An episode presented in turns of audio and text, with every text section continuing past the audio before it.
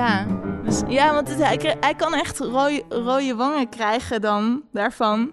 Als ik hem ineens omhels op straat. Wat natuurlijk heel grappig is voor iemand die zoveel gewoon wel ouder is. En wel een tijdje al hier rondloopt op deze aarde.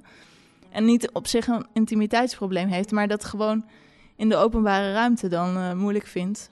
Of als we op de bank aan het zoenen zijn, dan wil hij ook altijd de gordijnen dicht. Oh ja. Ehm, terwijl ik denk, ja, eh, boeiend of zo. Ik ben daar niet zo mee bezig.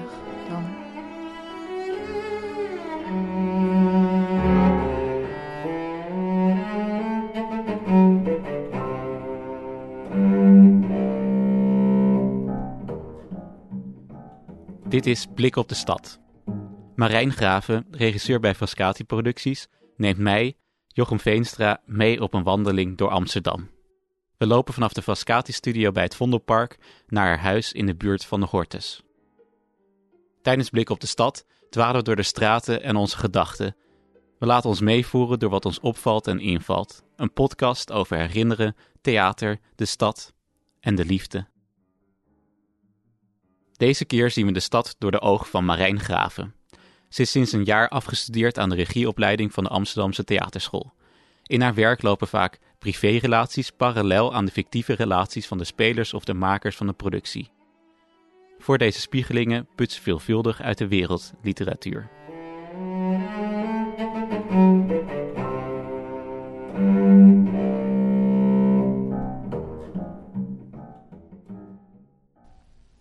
Is er een tijd geweest waarin jij veel wandelde, of is dat eigenlijk? Eh, ja, altijd wel. We hebben een gro- een grootste deel van mijn jeugd hadden we een hond. En daar wandelde ik veel mee. Eh, ja, wandelen en fietsen allebei. En in Amsterdam, toen ik eh, meer in het... Nee, nee, altijd eigenlijk. Ook toen ik minder in het centrum woonde. Ik heb best, best wel veel energie, ook veel lichamelijk. En dan moest, moest ik echt mezelf soms uitlaten. ja, deze kant op. Hallo. Hallo. Hallo. Hallo. Hallo. Hallo. Hallo. Het is oké. Bij die eerste, bij die, jullie gaven elkaar een kus. Ja. En ik dacht, ja, ik, ik was er dus niet helemaal dat ik dacht, hij was wel liefdevol. Maar ja, het kan ook gewoon zijn dat je hem goed kent en hij is Italiaans of zo. Ja. Daar, daar, toen was ik een beetje zo van, wat zou het nou zijn? Ja. Dat is wel te luid to hit the chewing gum. You're not? Because then you hear... Toen wij nog in de studio waren, vroeg jij aan hem hoe wij, lang wij elkaar kenden of zo. Ja. Toen ik naar de wc was. We met 12 years ago? What? We met 12 years ago. Toen zei hij, ja, en toen kwam ik terug en toen zei hij, ja, 12 jaar ongeveer. Seven. Wow. Wasn't it? Six. 2006. En onze componist en muzikanten zei vandaag, oh, is het de eerste keer dat jullie samenwerken? Dat had ik niet in de gaten. Wat ik heel fijn vind. Dat er dus voor haar gevoel zat er een heel erg vanzelfsprekendheid in en een hele ehm, ja, natuurlijke omgang of zo. En daar probeer ik ook wel op te letten, omdat dat natuurlijk best wel spannend is. Ik dacht, het is laf om een relatie te hebben met een schrijver en een acteur en daar niet eh, ehm, iets mee te doen. Dan ontken ik gewoon mezelf en mijn stijl. Yeah, good Have fun. You, thank you, bye. Yeah, thank you to you. Regard. Yes. Weet je nog wanneer ik aan jou vroeg wat voor een relatie je met eh Nuno hebt? Nuncio? Nuncio. Ehm, ja, toen wij hier eh, uit het gebouw liepen in de buurt van een fietsenstalling. De hoek om. Ja, wa- want toen, omdat ik het woord huisgenoot gebruikte. En toen dacht jij dat we misschien gewoon huisgenoten waren.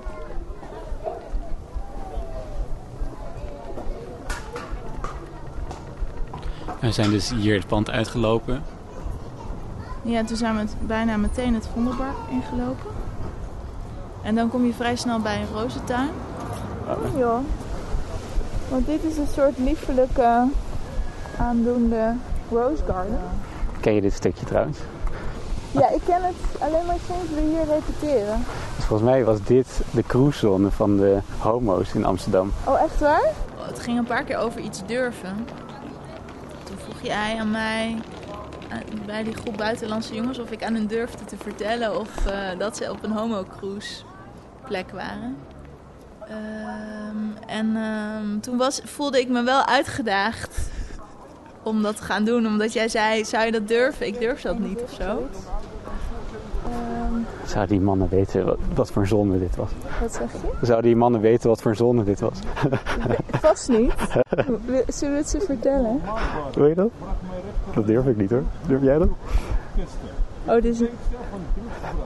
Nee, ik laat ze even, denk ik. En jij wilde een route nemen die, die je normaal niet nam, toch? Ja, klopt. Ja, want we gingen sowieso in het, Vondelpark.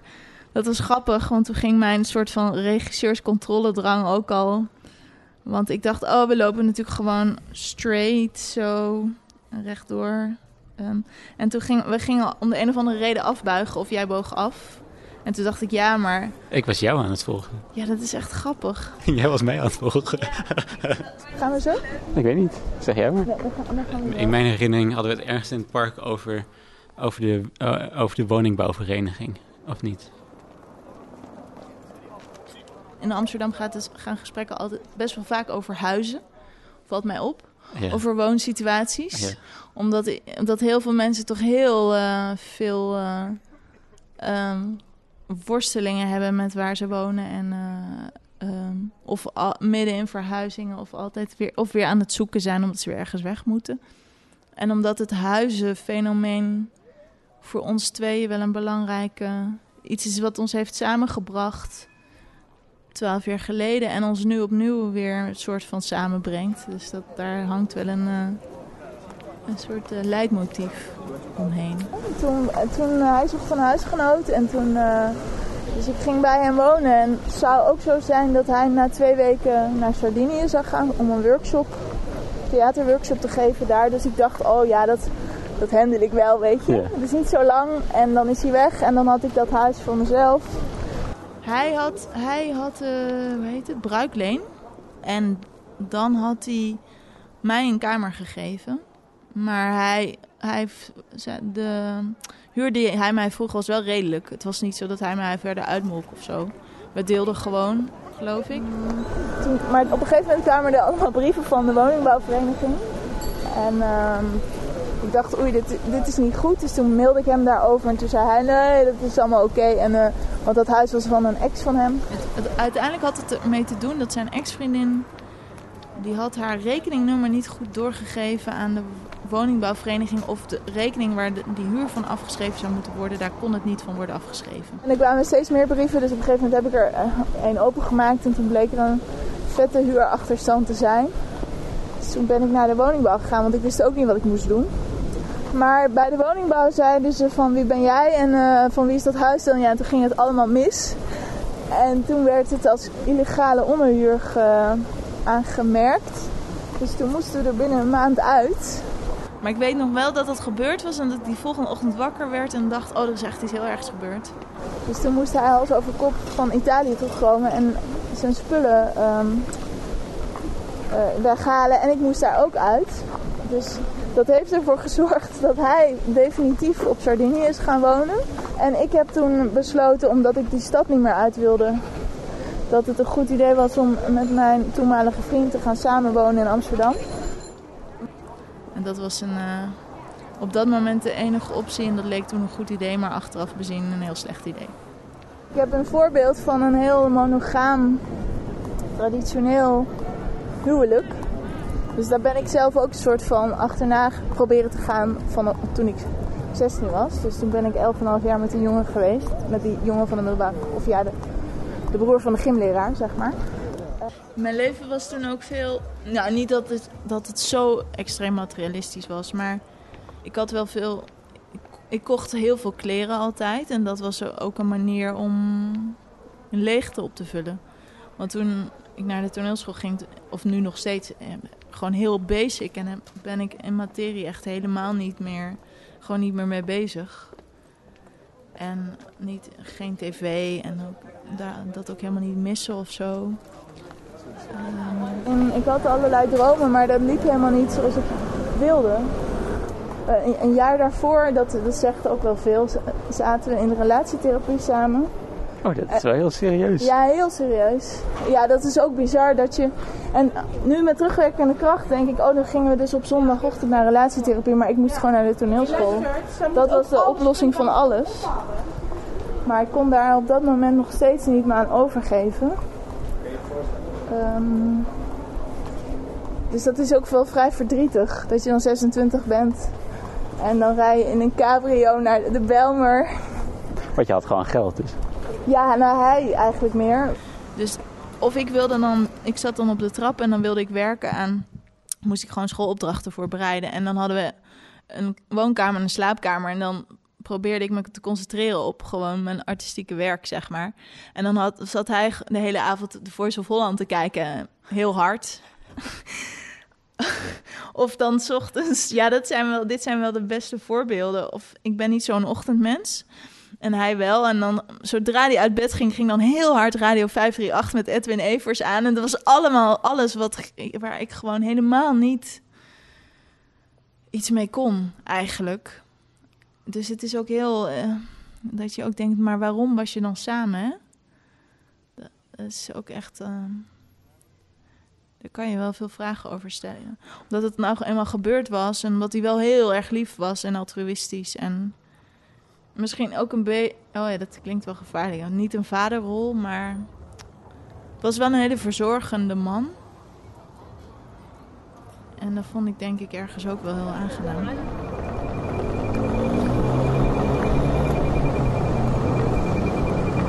Als ze misschien zo lopen, daar is dit net wat rustiger. Weet je wel, over het museumplein toch? Ja, maar ik dacht over het, door het gas. Of, Ja. eh, Ja, kan ook, maar als we nou zo lopen, dan is het dit rustiger dan deze weg. Oké, En dan gaan we gelijk naar rechts en dan komen we op het grasveld. ja, dat is een goeie. Ja. En toen het uitging, toen ging je naar een klooster toe, of niet? Nee, toen bij mijn ouders gaan wonen, want er was geen andere optie. Dat was echt het jaar van de grote. Ik had toen een, een koophuis of een koopappartement en een baan bij de toneelmakerij en ehm, die relatie. En toen ging die relatie uit na 11,5 jaar. Die baan bij de toneelmakerij raakte ik kwijt en, en mijn huis. Dus toen ging ik bij mijn ouders wonen in de Achterhoek.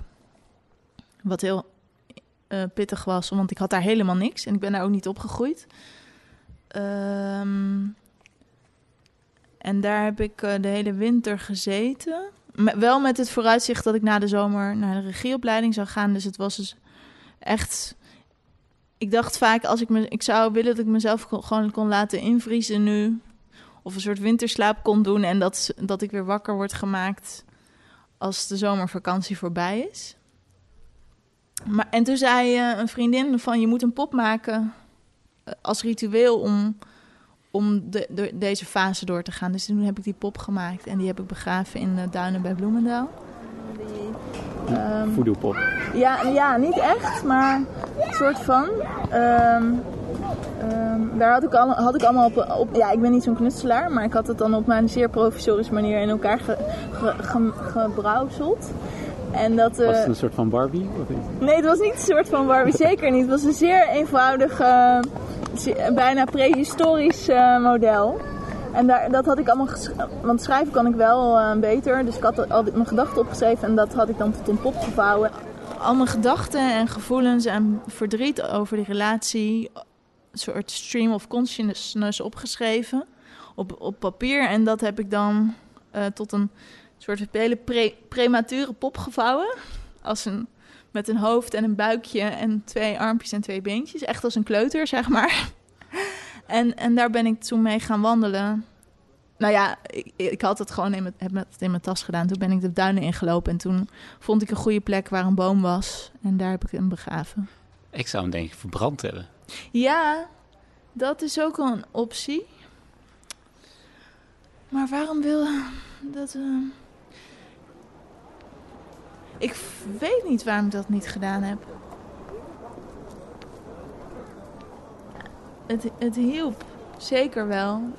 Het gaat gewoon ook om het doen van een handeling en, een, en dat in, denk ik, eh, isolement doormaken en dat opschrijven van die gedachten waar natuurlijk emoties aan verbonden zijn en dat je dan letterlijk iets doet.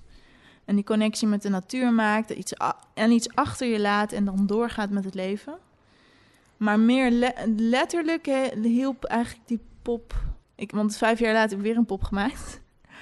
En toen ging het eigenlijk over de liefdespijnen uh, en verstoringen die ik in mijn, laat, laat maar zeggen, vrijgezelle tijd na mijn relatie uh, heb ervaren. En toen dacht ik, daar moet ik eens mee kappen nu. En ik moet daar nu serieuzer mee omgaan.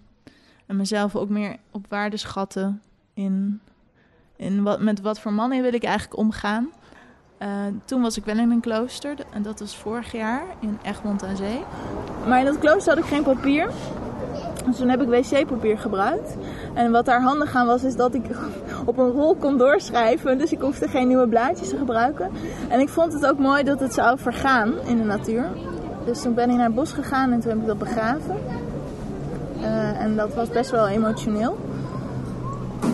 Um, en toen vier dagen later, toen ging ik... En allemaal in je eentje dus? Dansen. Uh, ja, in mijn eentje.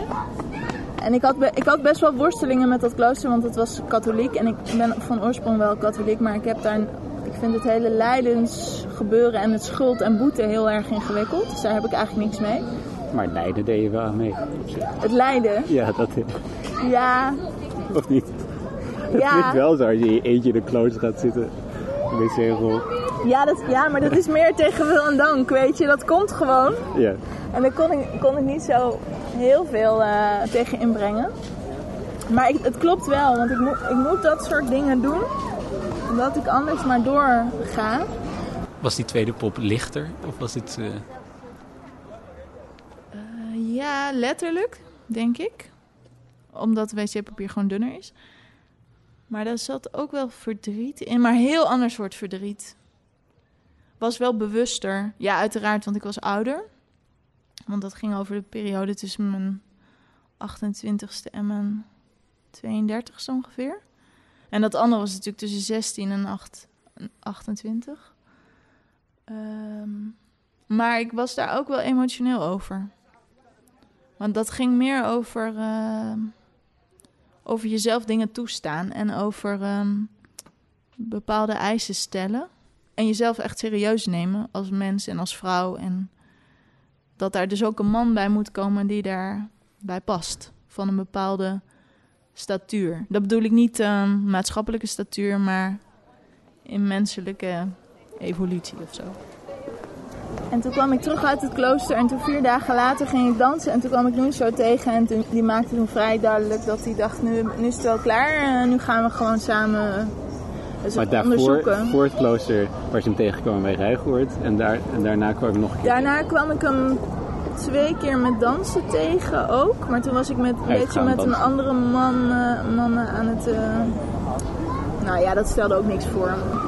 Ja, uitgaan dansen. Het is ecstatic dan dance. Dus, dus het gaat over dat je op een natuurlijke manier uh, tot extase komt. Dus zonder uh, gebruik van hallucinerende of, uh, of alcohol gewoon. Dat lijkt me wel aantrekkelijk trouwens, of niet? Als iemand in... zo in extase was. Ja. Het lijkt alsof iemand dan heel eerlijk is, toch? Ja, dat is ook grappig, want uh, uh, mijn kostuumontwerper nu van dit project, die was, er was toen ook kostuumontwerper. En die zei achteraf, de, oh, de enige uh, mooie man die er was en die er een soort van normaal uitzag, of inderdaad op een bepaalde manier eerlijk. Um, ja, dat was dat aantrekkelijk. Nou ja, het hij gaf me wel een heel duidelijk beeld en hij was er echt voor zichzelf ook.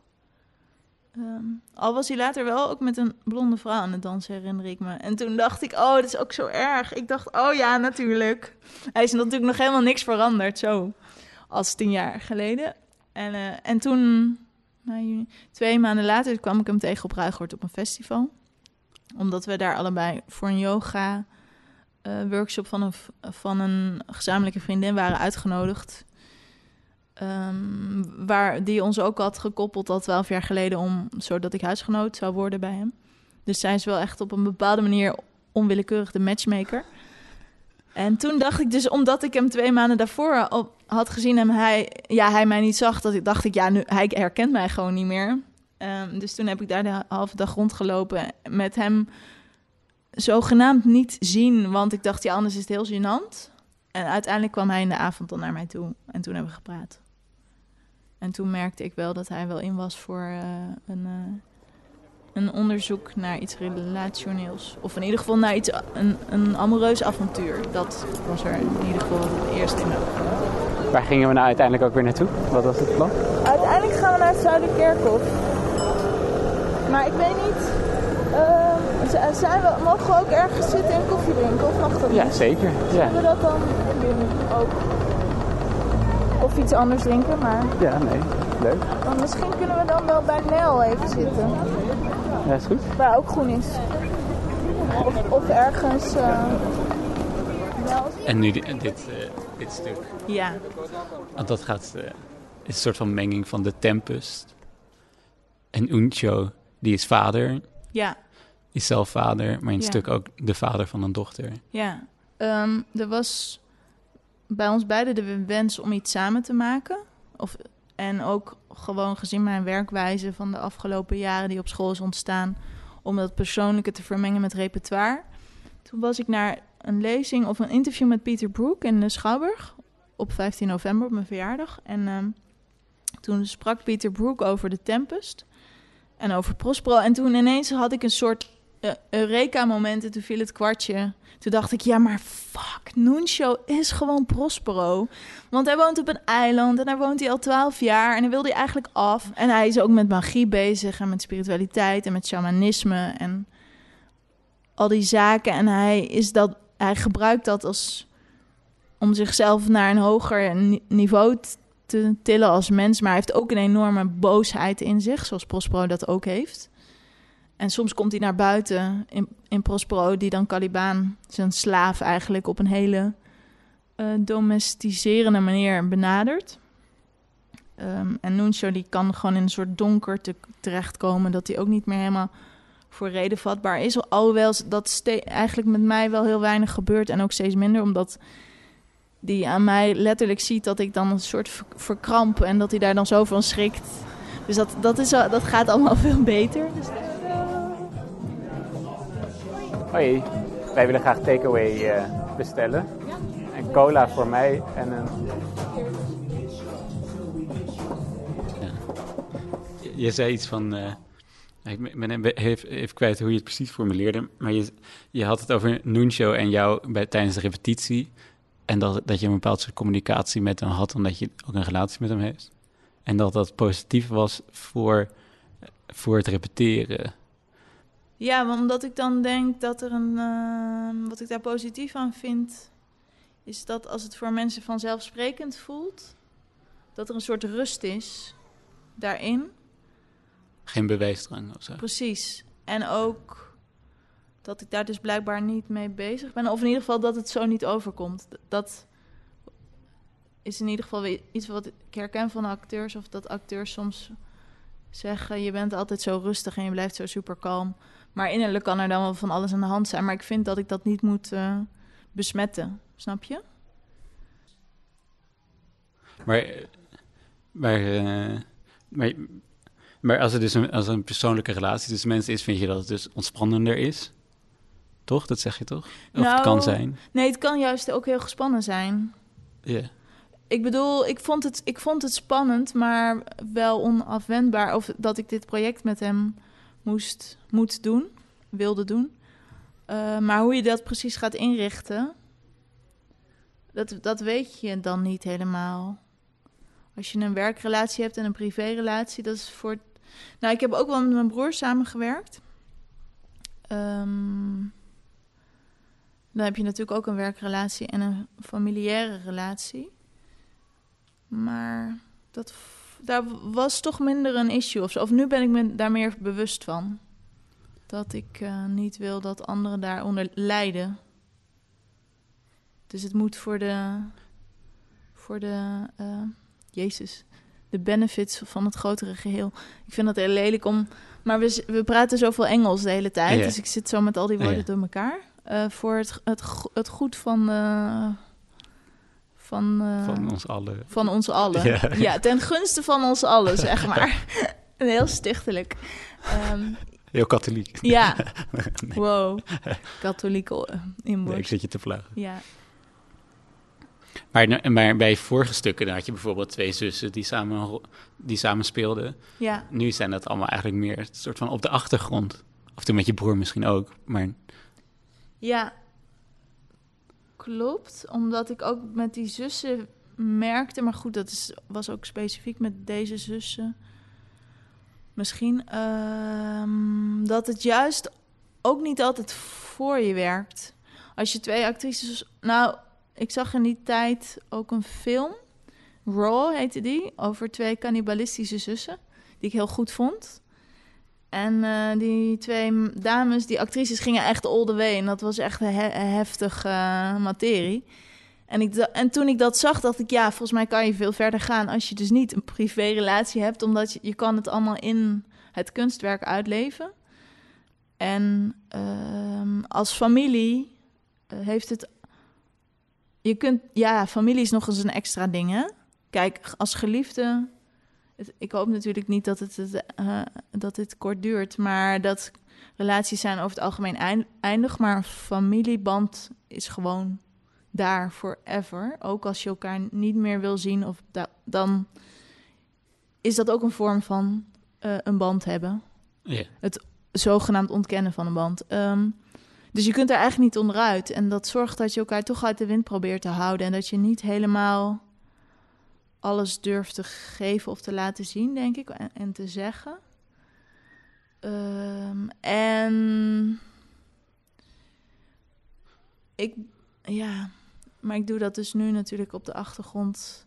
Ik, heb daar, ik kies daar heel bewust voor, zelf. Ehm, omdat het ook bij mij past. En als je acteurs vraagt. Even denken hoor. Ik denk dat ik zelf misschien de consequenties beter kan overzien. dan de mensen die ik vraag om iets te doen. Dit is natuurlijk heel gevaarlijk om te zeggen. Want ik weet ook niet hoe, hoe wij er over zes weken bij zitten. Of over eh, drie maanden. Maar. ehm, nou ja, ik, ik, maar denk je dat het publiek het terug gaat zien? Dat je een relatie met een van de acteurs hebt? Zouden ze het moeten nee, zien? dat is niet belangrijk. Ehm, het feit dat hij, ik hem heb uitgenodigd om.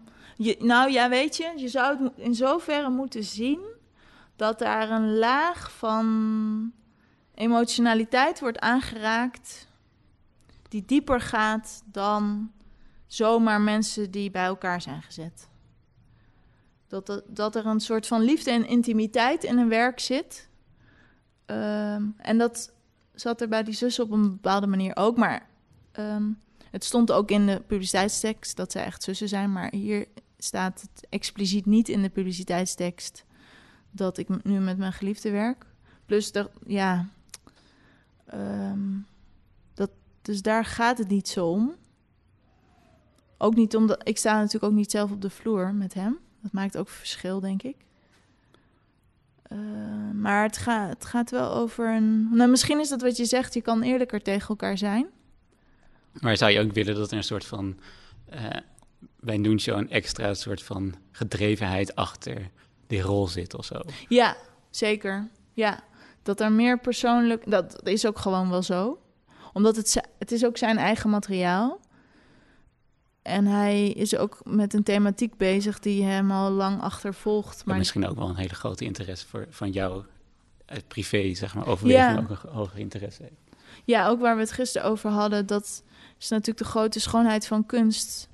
Dat je thema's kan uitwerken die, waar je in, je in het echte leven moeilijk mee in het reinen kan komen. Maar doordat je er een vorm aan geeft, ehm, kan je het naar een niveau trekken waardoor het wel te behappen is. Of wel uitspreekbaar is. Of ehm, of, eh, ja, Waardoor je het kan Het laten kan communiceren met iemand anders. Precies, ja. En waardoor er voor jezelf ook weer dingen op een plek vallen. En die troostrijk kunnen zijn voor het publiek. Maar dat is, het is geen therapie, maar het is wel iets om te Ja, je kan het met elkaar delen op een bepaalde manier die je anders niet zou kunnen doen. Precies. dat is nu ook, ja, ik vraag Noensje ook om in iets te duiken waar hij echt eh, nog helemaal niet mee in het reinen is. En waarmee jij er ook een soort van ingang in hebt om, er, om daar deelgenoot Dingen, van je, te kan daar, je kunt daar op die manier dus ook, je mag ook daar dingen over vragen nu, omdat het in het kader van het project is. Of, Ja. En is het ook veilig. Want het is niet gelijk heel persoonlijk. of ik, ik zeg gewoon, eh, Iemand kan er ook nog over liegen. heel Dat- duidelijk over hem gaat, zeg ik, ja maar Prospero zegt hier nu dit. En, Ja. eh, dus je kunt er een soort distantie van maken. En je mag erover liegen. Als Ja. je Ook dat. Ja, dat is wel en uiteindelijk is het spannendste verhaal. Dat, dat vind ik zelf erg leuk. Ja. Dus je maakt het toch nog, nog spannender dan het misschien was. Ja, dat is de schoonheid van theater natuurlijk. Dat je mag, ehm, dat de verbeelding het kan overnemen of zo. Het einde van de wandeling was eh, tussen de Hortus en het Wertheimpark. En eh, in de buurt van mijn huis. En toen zei ik, gaan we nog aan het, zullen we nog door het park? Of, en toen zei hij, nee, ik denk dat we het wel hebben. Nu. Dus dat was... eh, dat was het einde. Ja. Ook een van de plekken in de stad die ik het een- heel fijn vind. Daar, dat, dat hoekje bij de Hortus. Ik er altijd heel rustig van.